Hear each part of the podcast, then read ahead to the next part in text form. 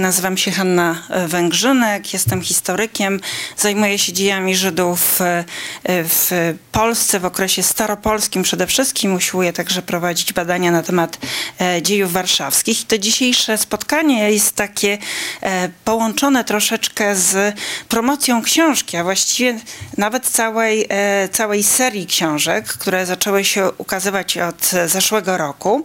Mam je tutaj ze sobą, można, jeśli ktoś byłby zainteresowany, nabyć je e, przy stoliku przed, e, przed salą wykładową. E, do tej pory y, ukazały się dwie pozycje, to znaczy jest to pinka z Kachału w Boćkach, Boćki niewielkie miasta na Podlasiu, ale bardzo znacząca e, gmina żydowska. Pinkas to jest po prostu księga tej gminy, gdzie zapisywano najważniejsze sprawy, to znaczy wybory władz gminnych, rozporządzenia dotyczące składek, podatków y, y, i tak dalej. Ten pinkas pochodzi z XVIII i początku, początku XIX wieku. E, wydawcą Pinkasu jest pani profesor e, Anna Michałowska-Mycielska. E, I druga i druga pozycja e, z serii, która się nazywa, no właśnie, Źródła e, do historii e, Żydów, Żydów w Polsce, to jest właśnie rejestr osób żydowskich spisanych w miesiącu styczniu roku 1778 w Warszawie. I tenże rejestr no, stał się tak jakby punktem wyjścia do naszego dzisiejszego spotkania, żeby porozmawiać na temat Żydów w Warszawie w drugiej połowie XVIII wieku. Nie tylko w tym roku 1788, ale e, generalnie w drugiej połowie, w drugiej połowie wieku XVIII. Przy okazji powiem, że e, ta seria jest wydawana przez Instytut Historii Polskiej Akademii Nauk oraz Centrum imienia e, Mordechaja Anielewicza, które działa w Instytucie Historii Uniwersytetu Warszawskiego. Redaktorem serii jest pani profesor Anna Michałowska-Mycielska, która miała być dzisiaj. Niestety przeziębiła się pogodę mamy jaką mamy, bardzo piękną, no ale niestety e, sprzyjającą, e, sprzyjającą właśnie e, zachorowaniom. Proszę Państwa, wyjdę od registru, dlatego że to jest ten punkt wyjścia i jeśli słyszymy słowo regestr, to od razu możemy sobie pomyśleć, że to jest bardzo nudne źródło historyczne. Będę starała się Państwa przekonać, że może nie do końca, że nie jest to źródło nudne, bo jest monotonne, ale że właśnie z takich e, e nudnych źródeł budujemy te tak zwane bardzo ciekawe historie. E, jest to jeden z nielicznych materiałów, który zachował się z tak wczesnego okresu. Możecie Państwo zobaczyć tutaj e, pierwszą, pierwszą stronę, jak to wygląda. E, jest to źródło bardzo ciekawe, dlatego że obejmuje aż ponad 3,5 tysiąca osób. E, I oczywiście mamy różne spisy, gdzie czasami jest podana liczba, nie wiem, płatników podatków, e, prawda, albo szacujemy tę, tę liczbę. Natomiast to, co jest tutaj ciekawe, to te wszystkie osoby są wymienione z imienia. W przypadku mężczyzn jest to również imię ojca. A co ciekawsze, nie jest to tylko głowa rodziny, bo często w spisach tak jest, że tylko jest głowa rodziny. Tutaj jest również imię żony, e, imię e, dzieci, oddzielnie synów, oddzielnie córek, a co więcej, również imiona służących, czyli tych wszystkich, którzy e, nie byli może do końca członkami rodziny, ale de facto tę rodzinę, tę rodzinę e, stanowili. E, Regestr jest przechowywany w archiwum głównym, e, głównym akt e, dawnych. Liczy sobie strony 50. Natomiast co, co jest rzeczą bardzo istotną? A mianowicie ci wszyscy Żydzi, którzy zostali w nim wymienieni, praktycznie, no dzisiaj byśmy powiedzieli, że są słoikami. To znaczy, że dopiero co przyjechali do Warszawy, dlatego że ostatnia kolumna to jest miejsce pochodzenia.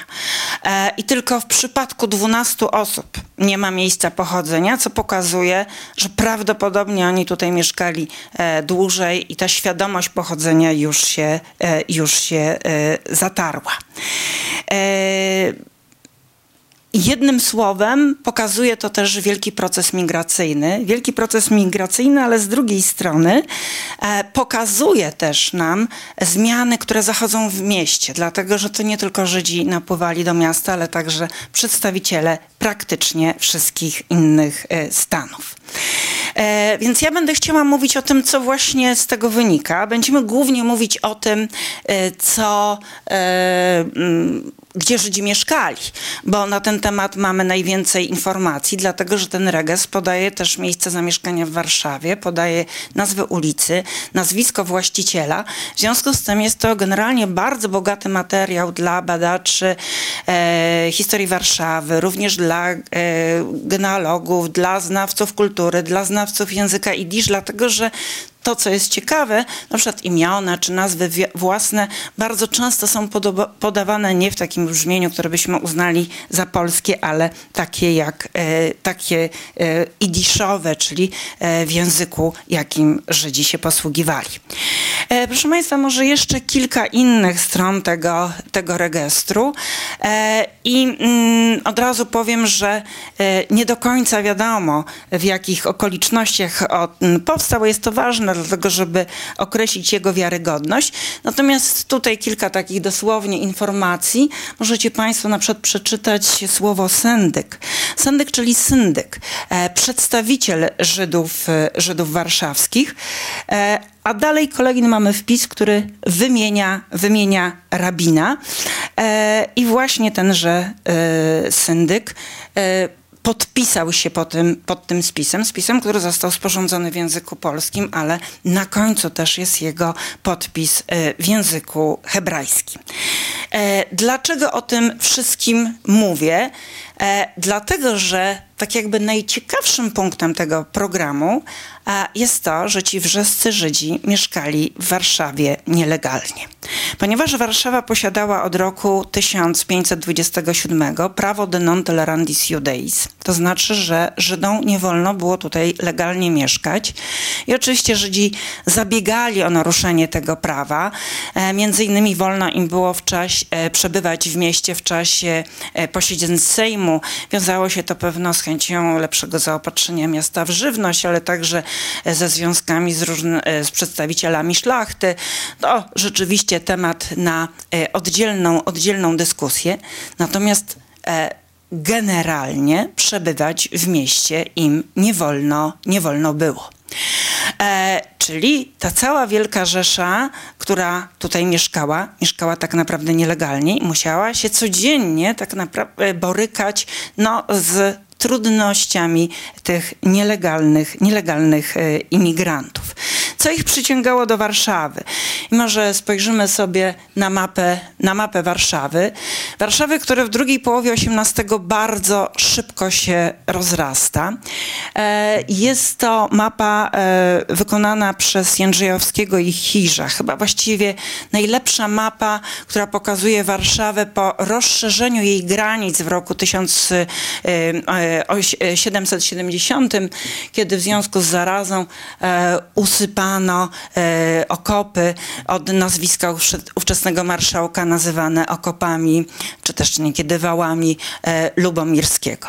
Ale też widzimy, i to jest właśnie mapa e, z 1771 e, drugiego roku. Zresztą chyba jest to jedna z najlepszych map Warszawy, do tej pory rzadko, rzadko wykorzystywana. Dlaczego jest też taka ciekawa? Dlatego, że Oprócz, to, to tak naprawdę w tej chwili są złożone dwie mapy, oprócz tej jednej dużej mapy, także poszczególne części e, mają swoje dodatkowe, bardzo szczegółowe mapy i dlatego możemy dosyć wnikliwie prześledzić rzeczywiście tę warszawską e, zabudowę. Tak czy siak Warszawa się bardzo szybko rozbudowywuje e, i tak jakby jednym z, z, co ilustruje ten proces, jednym z takich najbardziej mówiących wiele danych jest gwałtowny wzrost liczby ludności. Chyba nigdy w tak krótkim czasie liczba ludności nie wzrosła, jak właśnie w drugiej połowie XVIII wieku. W połowie XVIII wieku było to około 30 tysięcy mieszkańców. Pod koniec e, być może nawet 100 tysięcy. Ja mówię być może, dlatego że no, nie dysponujemy precyzyjnymi danymi, danymi. No a poza tym, tak jak już wspomniałam, duża część ludności praktycznie przebywa tutaj, e, przebywa tutaj nielegalnie.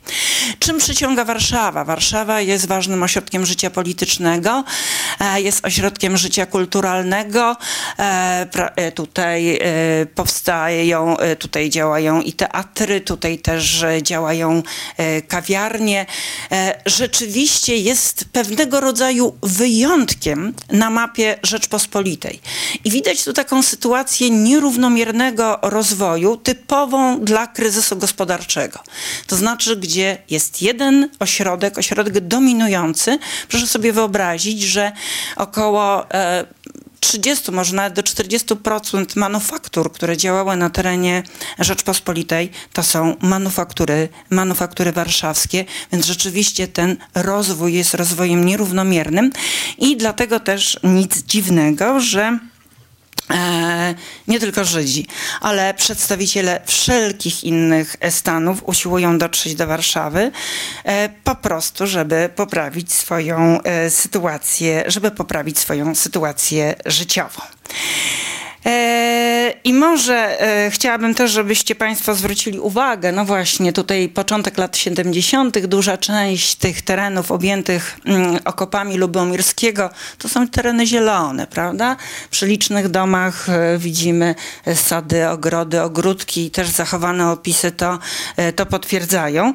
Natomiast jak już popatrzymy na plan Warszawy stworzony, to jest tak zwany plan Lelewela, który powstał w 1700 1994 roku, e, troszeczkę późniejszy, czy 20, ponad 20 lat późniejszy, to widać, że to dopiero co wytoczone ulice e, zaczynają się coraz, e, coraz szybciej i coraz gęściej zabudowywać.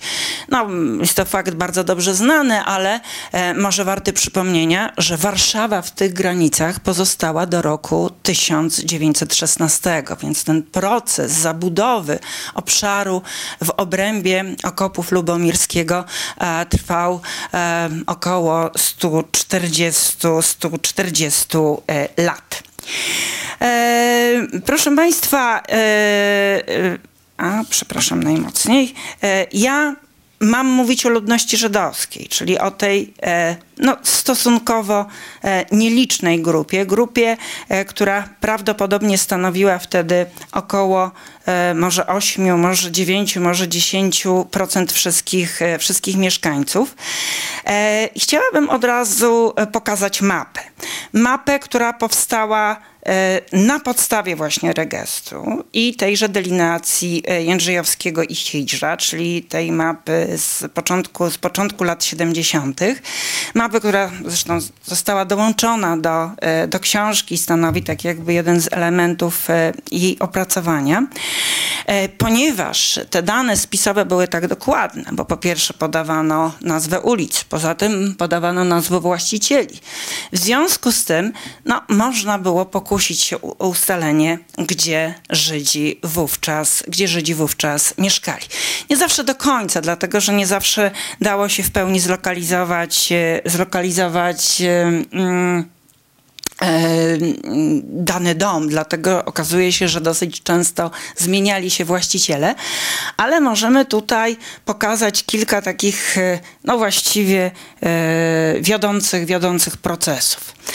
A mianowicie przeważająca część ludności żydowskiej, będę starała się, nie wiem czy dobrze, tu mam, myślę, że no tak, nie powinnam opuścić mikrofonu, a z drugiej strony patrząc z bokiem ciężko jest mi, e, ciężko mi jest trafić na odpowiednie e, miejsce. Okej, okay, dobrze chyba, chyba jesteśmy w dobrym miejscu, a mianowicie przeważająca część ludności żydowskiej mieszkała w rejonie ulicy Senatorskiej, ulicy, e, ulicy Bielańskiej oraz Tłomackiego, czyli tak jakbyśmy dzisiaj powiedzieli w takim samym centrum, w samym centrum Warszawy. E, I największym skupiskiem, no sprawa dosyć znana i e, wielokrotnie zapewne już powtarzana, tym takim miejscem, w którym Żydów mieszkało najwięcej, był słynny Pałac Pociejowski. Pałac Pociejowski, w którym miało znaleźć schronienie aż 716 E, aż 716 Żydów. E, proszę Państwa, nie mamy ilustracji, która pokazuje pałac, e, pałac Pociejowski. To jest właśnie mm, ilustracja, czyli kolejne, kolejne z dzieł Zygmunta Fogla, który pokazuje mm, budujący się pałac Jabłonowskich i prawdopodobnie jedną z oficyn właśnie z tego pałacu Pociejowskiego. Wiadomo, że takowa takowa, była. Natomiast no, możemy mniej więcej sobie zobaczyć, jak wyglądało, wyglądało to miejsce. E, I przy okazji jest też zachowany, zachowany plan, to jest właśnie e, plan Pałacu Pociejowskiego. Wiadomo, że był to budynek parterowy, e, zupełnie nie tak przestronny. Wiadomo jeszcze, że mieściły się tam również sklepy, a na dziedzińcu znajdowało się targowisko. Do tego zagadnienia jeszcze wrócimy, e, dlatego że rzeczywiście pod pewnym znakiem zapytania stawia to, czy mogło tam na stałe mieszkać rzeczywiście ponad 700 e, osób. Kolejnym skupiskiem ludności, e, kolejnym skupiskiem ludności żydowskiej było Gołubskie, czyli dworek, który należał do starosty, do starosty Gołubskiego, e, Mikołaja mm, Grodzińskiego. Tam mieszkało e, ponad 350 osób i kolejnym takim wielkim skupiskiem było Tłomackie, gdzie mieszkało ponad 200 Żydów. I jeśli Państwo popatrzycie na tę mapę, ja po prostu na chwilkę odejdę, i tak będzie znacznie, znacznie wygodniej to tu widać właśnie senatorską, tu widzimy Bielańską wraz z Tłomackiem, dlatego że to nie jest tylko e, sam dworek Tłomacki, ale także e, okoliczne nieruchomości. I ta linia osadnictwa zakręca w kierunku, ulicy Długiej. I proszę zwrócić uwagę, i tutaj nalewki oraz Wałowa. Jest to o tyle ciekawe, bo ile ta część, przynajmniej dzisiaj jest utożsamiana tak jakby z tą dzielnicą żydowską, to rzeczywiście ta część stanie się później symbolem żydowskiej, żydowskiej Warszawy. E, za chwilę zastanowimy się, no właśnie, dlaczego tak się działo. E, po prostu tutaj były zabudowania. A tutaj można było znaleźć schronienie. Tam ta część Warszawy, mówię o dzielnicy północnej, mówię o dzisiejszym Muranowie, tak naprawdę dopiero zaczęła, zaczęła powstawać. Ale jeśli popatrzycie Państwo na tę mapę, no możecie powiedzieć, e, że Żydzi praktycznie mieszkali na e, terenie całego miasta. E, po pierwsze, możemy ich zobaczyć w takich miejscach dosyć prestiżowych, czyli przy Szlaku Królewskim i tu zarówno, zarówno na krakowskim przedmieściu, jak i na nowym, e, dopiero zabudowywującym się Nowym Świecie. E, tutaj mieszkało blisko 400 Żydów, czyli to nie były jakieś tylko wyjątki. Wśród nich możemy znaleźć znane nazwiska kupców pochodzących prawda, z Frankfurtu czy z Amsterdamu. Wiadomo, że to są miejsca najbardziej, najbardziej e, prestiżowe. Natomiast proszę też zwrócić uwagę, że bardzo wielu Żydów mieszkało w takim ciągu nad, nad Wisłą. E, I że możemy, e, że możemy ich zobaczyć e, gdzieś tutaj na Solcu, prawda? Na Czerniakowie, na ulicy Czerniakowskiej, ale proszę też zwrócić uwagę, że i na Mariensztacie to pokazuje, że ewidentnie ta obecność w Warszawie jest związana, związana z handlem. Przy okazji powiem, że e, tutaj e, na ulicy Leszczyńskiej mm, e, znajdowały się składy żydowskie, czyli tak, teoretycznie Żydów nie wolno, Żydom nie wolno było mieszkać w Warszawie, ale otrzymali zgodę na założenie składów właśnie na ulicy Leszczyńskiej, także na ulicy, na ulicy mm, Pokornej. E, I co znajdowało się właśnie na Solcu, co znajdowało się przy Czerniakowskiej? Przy Czerniakowskiej i na Solcu znajdowały się składy towarowe, najczęściej będące w rękach przedstawicieli arystokracji. Czyli jednym słowem, były to ważne punkty w handlu wiślanym. Nie tylko tym warszawskim, ale generalnie handlu wiślanym. I że po prostu tutaj dostarczano, dostarczano, dostarczano towary, dlatego też e, w, w pobliżu tych miejsc e, zamieszkiwali Żydzi. I co jest rzeczą e, ciekawą, Żydzi mieszkali także na terenie Starego Miasta. Tak jak już Państwu mówiłam, e, obowiązywał ten zakaz de non tolerandis judeis. Tutaj mamy takie powiększenie mm, w samym rogu, może ja to jeszcze zwiększę. E, i który dotyczył tak naprawdę Starej Warszawy oraz odległości e, dwóch mil, czyli około 14 kilometrów wokół Starej Warszawy. E, natomiast no, fakt, że Żydzi byli obecni w obrębie murów, to przede wszystkim ulica Jezuicka i nie była to grupa niewielka, to około 150 osób, e, rzeczywiście e, pokazuje, że tych wszystkich ograniczeń nie przestrzegano.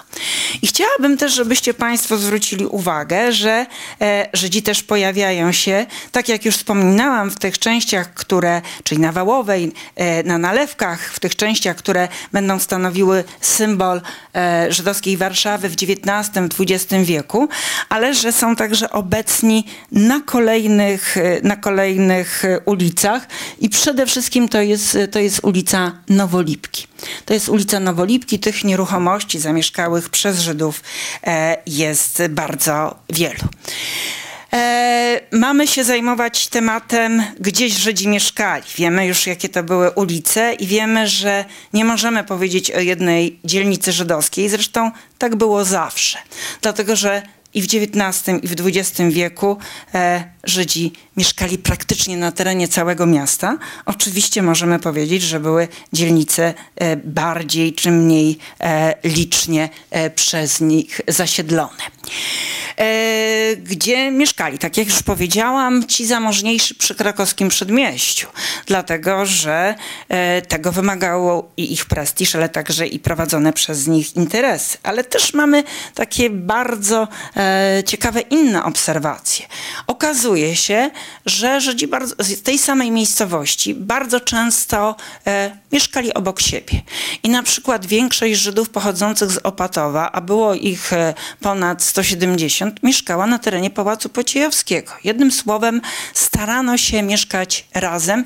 I proszę zwrócić uwagę, że bardzo przypomina to dzisiejsze procesy migracyjne, kiedy ludzie z tych samych okolic osiedlają się w jakiejś części Warszawy, a najczęściej e, po prostu e, w tych dzielnicach, e, do których w ich rodzinne strony jest po prostu najbliżej, czyli prawda, Węgrów gdzieś po stronie praskiej, a Gruniec gdzieś w okolicach, w okolicach Ochoty.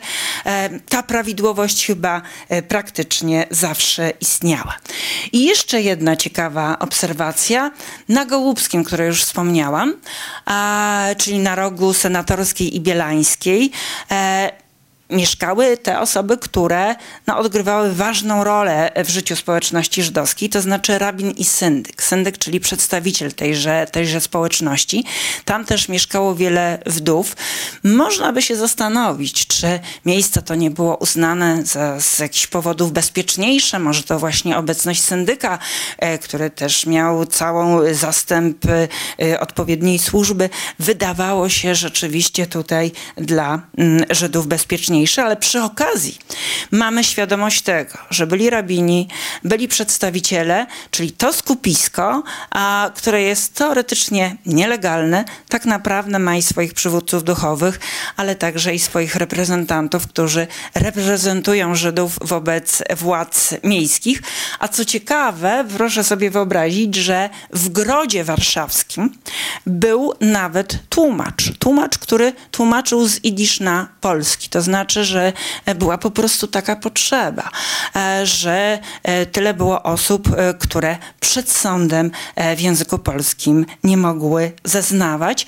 I to jest właściwie już ten moment, kiedy Warszawa pod koniec XVIII wieku staje się tym ważnym centrum kultury żydowskiej, kultury związanej z językiem idisz i taką funkcję będzie pełniła przez cały wiek XIX aż do, i, początek wieku XX aż do wybuchu II wojny mm, światowej. E, mieliśmy mówić o tym, gdzie Żydzi e, mieszkali. Tak jak już e, wspomniałam, mówiliśmy tutaj o ulicach, e, o tych częściach miasta. Natomiast co można więcej na ten temat e, powiedzieć? Mówiłam o pałacu, mówiłam o pałacu e, Pociejowskim. Natomiast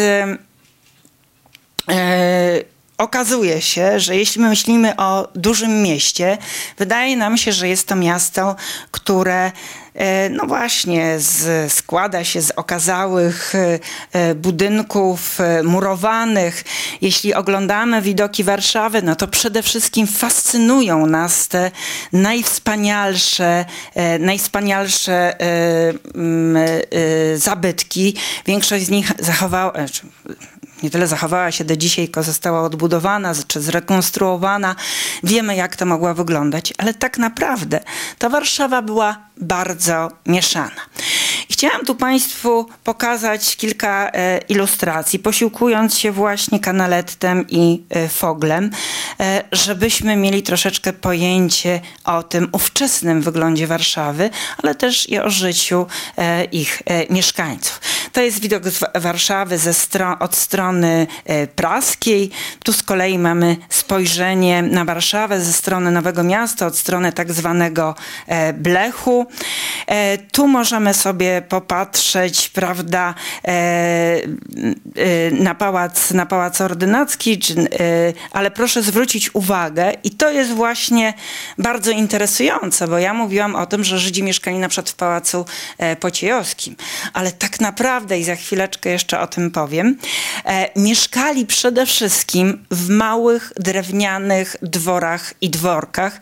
I taka była, wydaje się wtedy, przeważająca część zabudowy, zabudowy Warszawy. Warszawa liczyła sobie wtedy prawie 3,5 tysiąca budynków, e, przepraszam, raczej nieruchomości, dlatego że w to wliczono również e, niezabudowane place. E, Żydzi mieszkali w 145. E, czasami były to pałace, ale właśnie w większości były to dwory i dworki. E, dworki, których zawodowa była bardzo podobna do wręcz e, takiej zabudowy e, wiejskiej. Tutaj możemy taki e, obrazek z Powiśla zobaczyć, prawda, z krowami, drewnianymi domami, drewnianymi domami, które liczyły sobie najczęściej po dwie, cztery izby. I co było takim głównym problemem całej Warszawy? Nieprawdopodobne, nieprawdopodobne e, przeludnienie i tutaj e, ta sama część Warszawy, ale już w ilustracji Fogla i proszę zwrócić uwagę, na dole znowu mamy, prawda, tę zabudowę e, drewnianą e, poniżej, poniżej okazałego mm, pałacu. E, kolejny e, obrazek, no myślę, że łatwy do rozpoznania. Ze względu na krzyże, a mianowicie plac Trzech e, Krzyży, e, który też dopiero wtedy zaczyna się zabudowywać e, i przeważa, tu part, przeważają parterowe budynki, no o wręcz takim wiejskim charakterze i te ilustracje równie dobrze mogłyby być wykorzystane dla pokazania życia w wielu innych częściach Polski, nie tylko w mieście stołecznym. No i właśnie już ten wielkomiejski sznyt, czyli ulica, która będzie stanie, e, stała się już i pełni taką rolę do dzisiaj jednej z najbardziej e, takich prominentnych ulic Warszawy, czyli e, krakowskie przedmieście, e, zabudowana kamienicami i pałacami, tak samo e, Miodowa, e, tak samo i tutaj, tutaj znowu mamy krakowskie przedmieście, już pokazywałam wcześniej, z kolei ilustracja Fogla i zwracałam wtedy uwagę na ten wóz z sianem, że właśnie przy tych okazałych budynkach, już naprawdę wielkomiejskich, e, tu mamy wóz z sianem. No rzeczywiście e, okazuje się, że e, nie tylko w Warszawie e, to nie jest jeszcze ten sposób życia. E, siano było po prostu potrzebne, chociażby dla koni, bo jakby można było się inaczej poruszać, jeśli nie powozami ciągnion, e, ciągnionymi przez konie. Ulica, ulica Miodowa, też okale, okazale zabudowana pałacami i ulica Freta, która łączy stare i nowe e, miasto. I może troszeczkę ta gorsza część Warszawy. I też proszę zwrócić uwagę, czyli wieża marszałkowska e, tutaj na obrzeżach Starego Miasta. I proszę też zwrócić uwagę na te drewniane domki, które prawda, przytuliły się do e, muru staromiejskiego i w których też musiała panować nieprawdopodobna ciasnota, to z kolei Stare Miasto i brama rycerska. Proszę zwrócić uwagę w środku placu zupełnie chyba nie tak dawno wzniesiony drewniany dworek. E, I to, o czym już mówiłam, ilustracja, która jest na okładce e, książki, to znaczy rynek Nowego Miasta e, i targ, który tutaj się odbywał. Taka była Warszawa, niejednorodna. Z jednej strony wielkomiejska, ale z drugiej strony no, bardzo taka jeszcze, taka jeszcze swojska. I w takich miejscach też mieszkali Żydzi. Tak jak już e, wspominałam, e, ogromna ich grupa mieszkała w pałacu, w pałacu Pociejowskim i w kilku innych pałacach. E, i należałoby sobie postawić taki znak zapytania, już o tym mówiłam, czy to jest możliwe, że tyle osób mieszkało w jednym miejscu? Chyba nie. E, wydaje się, że ten spis był pewnego rodzaju nadzieją. Nadzieją na legalny pobyt w Warszawie. E, każdy chciał być zarejestrowany, żeby później o ten pobyt się starał. I nie są to tylko przypuszczenia, dlatego że Żydzi kilkakrotnie składali do władz e, miejskich, ale także i do władz państwowych, do Rady Nieustającej memoriały proszące o zgodę na osiedlenie się w Warszawie. Takie wyłomy częściowo zostały zrobione. Proszę zwrócić uwagę, że w 1775 roku powstają wokół Warszawy, nie na terenie samej Warszawy, ale wokół e, no, Jurydyki, Nowa Jerozolima, Nowy e, Potok, Golędzinów, tu po stronie, po stronie prawnej. Rzeczywiście one stanowiły tak jakby przyczółki już do tego, żeby osiąść w Warszawie. Więc chciano, więc chciano chyba no właśnie mieć taką możliwość, dlatego że starano się tutaj jakby zabezpieczyć. Potwierdzają to też akta sądowe, w których wielu Żydów e, pisze po prostu, że przyjeżdża do Warszawy, żeby zarobić, że jest tu kilka tygodni, kilka miesięcy, że albo tu pracują, albo prowadzą jakieś interesy, a tak naprawdę mieszkają gdzieś u siebie, czy we wspomnianym już Opatowie, czy w Ryczywole, czy jeszcze w jakiejś innej, e, innej miejscowości, więc ta Warszawa jest takim miejscem troszeczkę, troszeczkę czasowym. Wspomniałam tutaj o mm, pałacach, domach, które należały do arystokracji, ale e, myślę, że nie zdziwię Państwa, jeśli powiem, że Żydzi mieszkali także w nieruchomościach należących do duchowieństwa. Mamy w jurydyce Aleksandria nieznanego bliżej księdza Janasa, e, który wynajmuje dwie, dwa dworki e, dosyć pokaźnej, liczącej ponad 160 osób liczbie Żydów, więc widać, że żadnych tutaj problemów natury religijnej chyba nie było. No i oczywiście Żydzi mieszkali także w nieruchomościach, e, e, w nieruchomościach należących do mieszczan. Nie możemy bardzo precyzyjnie tego ustalić, dlatego że w tym spisie nie ma informacji na temat pochodzenia e, mm, właścicieli nieruchomości. Czasami, jeśli jest to znane nazwisko, no, bardzo łatwo to ustalić, ale na, najczęściej są to nazwiska mniej znane, a nie możemy mieć pewności, czy terminu pan używano tylko w określeniu, y, w odniesieniu do szlachty, czy również do zamożniejszego, zamożniejszego y, mieszczaństwa. E, mm, tak czy siak, e, gdybyśmy chcieli tutaj to podsumować e, i przedstawić jakieś dane, to e, właśnie materiały, o których mówią, właściwie odrzucają takie przekonanie, że to szlachta przede wszystkim popierała Żydów. Bo jeśli weźmiemy pod uwagę te największe nieruchomości, e, pałace, to rzeczywiście są to nieruchomości należące do szlachty. Natomiast jeśli weźmiemy pod uwagę mniejsze nieruchomości, to znaczy domy, e, dwory, dworki, to są to przede wszystkim nieruchomości należące do mieszczan. Co jest ciekawe, za wynajmowanie e, mieszkania Żydom groziła kara i to wysoka kara. Ale okazuje się, że chęć zarobku no, była tutaj chyba znacznie ważniejsza i bardziej e, interesująca, że wartość było, że warto było podjąć, e, podjąć to e, ryzyko. Co więcej, chciałabym powiedzieć o jeszcze jednej praktyce, ponieważ ten napływ był tak ogromny. E, w roku 1777 wydano rozporządzenie, no, które właśnie przypomina dzisiejszy meldunek. W ciągu 24 godzin trzeba było odpowiedniemu e, urzędnikowi zgłosić informację, że ktoś nowy zamieszkał. Ale to też pokazuje, że owszem, rejestrowano, prawda? Ale z drugiej strony była ogromna rotacja i jak przeczytamy akta sądowe, to okaże, okaże się, że e, wielu Żydów i nie tylko Żydów bardzo często to miejsce, zamieszka, e, miejsce zamieszkania mm, zmieniało. E, I Proszę Państwa, e, a tu jeszcze jedna ilustracja, o której zapomniałam.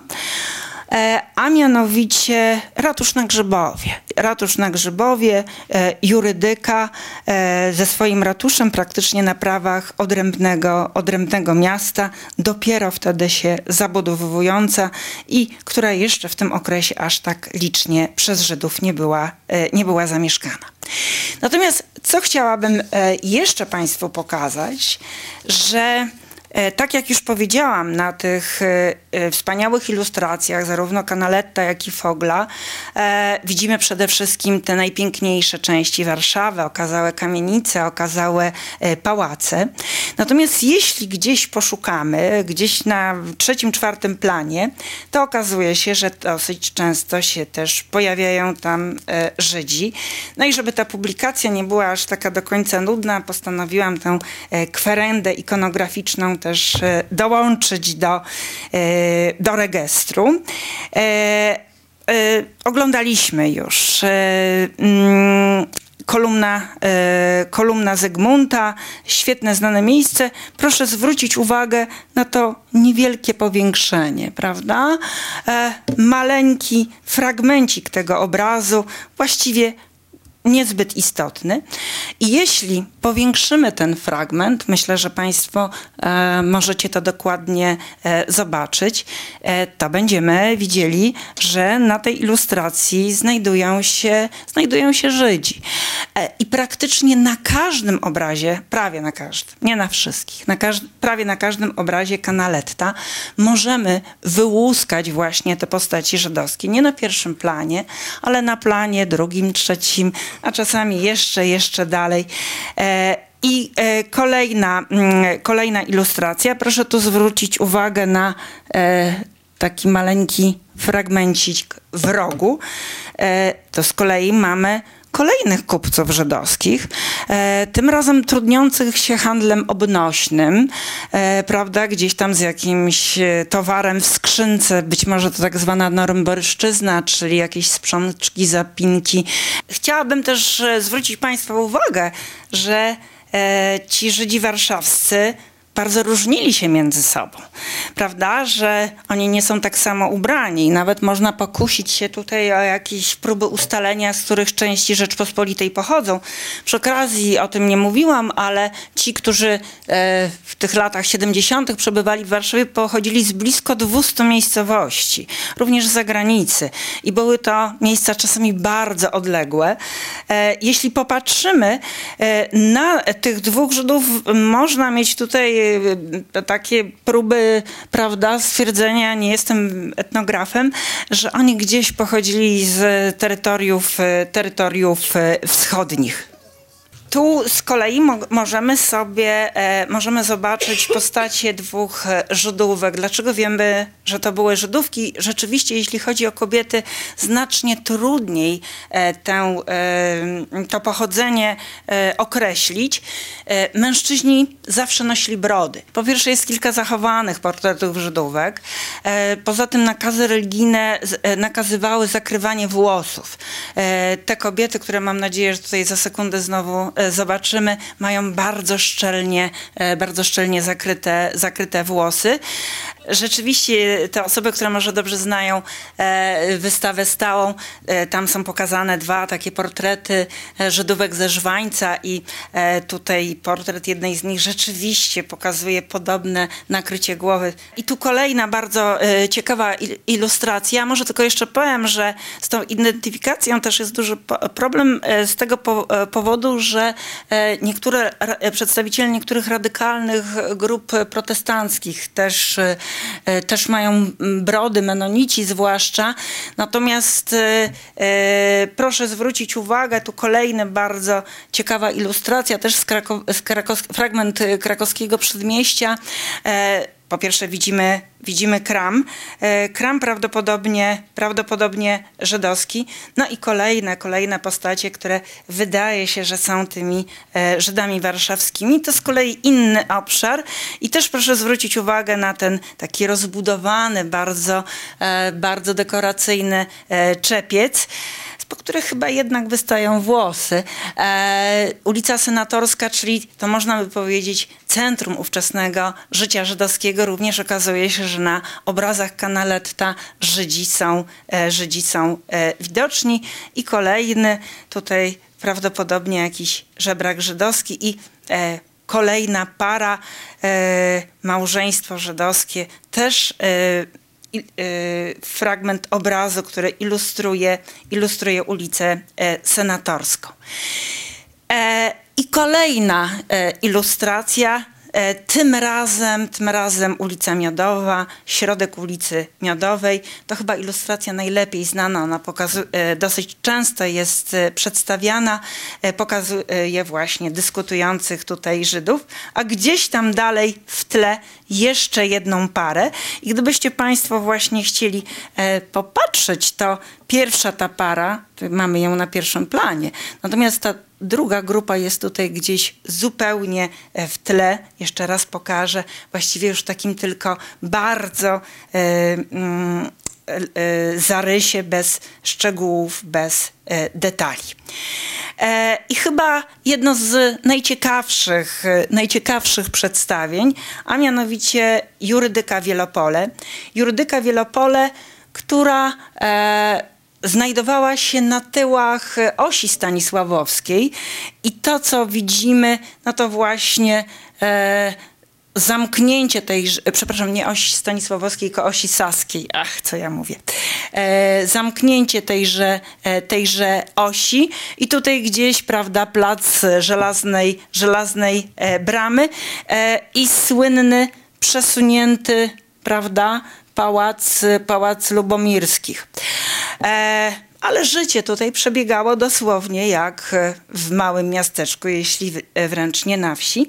Bo jeśli powiększymy, ja jeszcze pokażę fragmencik, o tutaj, ten fragmencik i tak troszeczkę dokładniej go przeanalizujemy, e, no to zobaczymy obrazek dosłownie jak z jakiegoś e, sztetla. Na pierwszym planie nie tylko pies, ale także i kuska. No, nie będę tutaj mówiła o wiszącym praniu, ale i o bawiących się, e, bawiących się chłopcach, e, chłopcach żydowskich. Jeśli przeanalizujemy dalszą część e, e, właśnie tego, e, mm, tego obrazu Canaletta, to zobaczymy tutaj też Żydów wykonujących jakieś prace, e, zajmujących się rzemiosłem. Rzeczywiście e, są oni e, dosyć licznie e, obecni. I jeszcze jedna ulica, ulica, ulica, o której już też wspominałam, że w tym okresie była e, licznie zasiedlona przez Żydów, czyli ulica Długa, prawda? Bielańska, mówiłam o tym właściwie takim półkolu, a może czymś na kształt podkowy czy litery U, senatorska, bielańska i właśnie długa.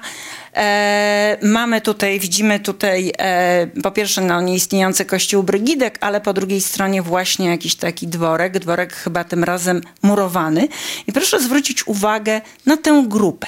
Na tę grupę, e, która no, ewidentnie są to Żydzi w strojach, które potem będziemy właściwie mogli utożsamiać z grupą, z grupą hasycką. Trudno powiedzieć, czy to są na pewno Hasydzi, ale gdybyśmy, e, prawda, ten obraz datowali na 100 lat później, e, myślę, że nie byłoby to tutaj takim dużym zaskoczeniem. I jeszcze jedno przedstawienie, a mianowicie, a mianowicie Wisła. E, i statek. Statek, na którym przewożone są towary. I proszę zwrócić uwagę e, zarówno prawda, na postać w kapeluszu, jak i również na te dwie postaci e, siedzące. No, są to ewidentnie Żydzi, którzy Zapewne wraz z jakąś chrześcijańską, e, czy niekoniecznie żydowską, prawdopodobnie chrześcijańską załogą przywożą towary do Warszawy. Jeśli przeanalizujemy akta komory celnej, kolejne źródło e, historyczne, e, to okazuje się, że tych kupców rzeczywiście napływało tutaj bardzo wielu i wspominałam o tym, że no, ten pas osadniczy to właśnie także był obszar, obszar e, wiślany. E, I ostatnia ilustracja, która nie dotyczy już Warszawy, ale tak naprawdę dotyczy e, Pragi. Jest to jedno z nielicznych przedstawień, które pokazuje nam e, z imienia i nazwiska jednego z najsłynniejszych XVIII-wiecznych Żydów, Szmula Zbytkowera, z jego, z jego żoną. I to właściwie jedyny taki przypadek kiedy możemy powiedzieć, kto na danej ilustracji się znajduje. Proszę Państwa, e, to właściwie tyle, co chciałabym dzisiaj powiedzieć. E, e, czekam na pytania. Moim głównym, jestem pewna, że nie wyczerpuję tego tematu, dlatego że nie omówiłam dokładnie ani kwestii statusu prawnego, ani spraw dotyczących życia codziennego, ani spraw dotyczących zajęć bo trochę też na ten temat możemy, możemy powiedzieć. E, natomiast, e, no właśnie, chciałam tutaj e, dać Państwu taką informację, że nadal istnieje dosyć wiele źródeł, źródeł, które nie zostały do końca wykorzystane i że w związku z tym bardzo wiele nadal można powiedzieć e, na temat e, Warszawy, której wiele nowego powiedzieć na temat Warszawy, której dzieje wydają się zupełnie dobrze znane. Dziękuję uprzejmie.